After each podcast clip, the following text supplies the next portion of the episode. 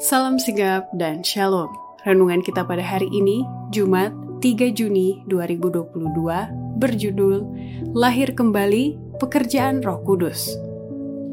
Ayat intinya terdapat di dalam Yohanes 3 ayat 5 dan 6. Jawab Yesus, Aku berkata kepadamu, sesungguhnya jika seorang tidak dilahirkan dari air dan roh, ia tidak dapat masuk ke dalam kerajaan Allah. Apa yang dilahirkan dari daging adalah daging, dan apa yang dilahirkan dari roh adalah roh. Pena Inspirasi menuliskan yang dimaksud dengan judul renungan kita pagi ini, Lahir Kembali, Pekerjaan Roh Kudus, sebagai petunjuk bagi kita agar mengalami kasih Allah yang tiada bandingnya itu, dikarenakan yang lama sudah berlalu, dan supaya kita dengan penuh keberanian datang menghampiri tahta kasih karunia Allah adalah sebagai berikut. Pertama, Tanda-tanda lahir kembali adalah pekerjaan Roh Kudus, karena kehadiran Roh Kudus tidak dibatasi dengan usia atau suku bangsa mana pun.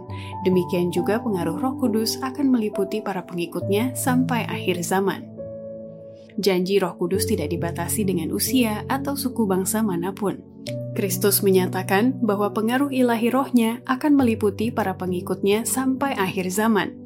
Sejak hari Pentakosta sampai hari ini, penghibur itu telah diutus kepada semua orang yang menyerahkan diri sepenuhnya kepada Tuhan dan pelayanannya.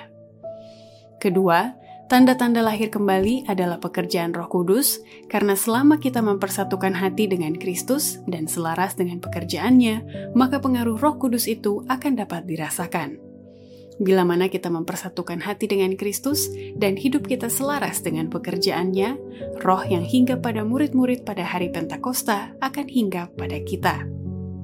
Ketiga, tanda-tanda lahir kembali adalah pekerjaan Roh Kudus, karena dengan berdoa dan memohon kepada Allah, maka kita akan memperoleh baptisan Roh.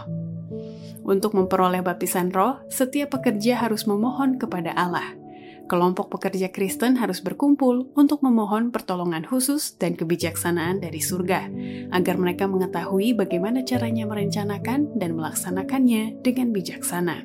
Mereka harus berdoa agar Allah mau membaptiskan duta-duta pilihannya di ladang misi dengan kelimpahan rohnya. Keempat, Tanda-tanda lahir kembali adalah pekerjaan Roh Kudus, karena Allah telah menyediakan pertolongan ilahi dan akan menolong setiap orang dalam membuat keputusan di dalam keadaan yang tak dapat diatasi oleh akal manusia. Allah tidak meminta kita untuk melakukan pekerjaan yang di hadapan kita dengan kekuatan kita. Dia telah menyediakan pertolongan ilahi bagi semua keadaan darurat yang tak dapat diatasi oleh akal manusia. Dia memberikan Roh Kudus untuk menolong dalam kesulitan, menguatkan pengharapan dan jaminan kita, untuk menerangi pikiran kita dan menyucikan hati kita. Demikianlah renungan kita pada hari ini. Kiranya Tuhan memberkati kita semua.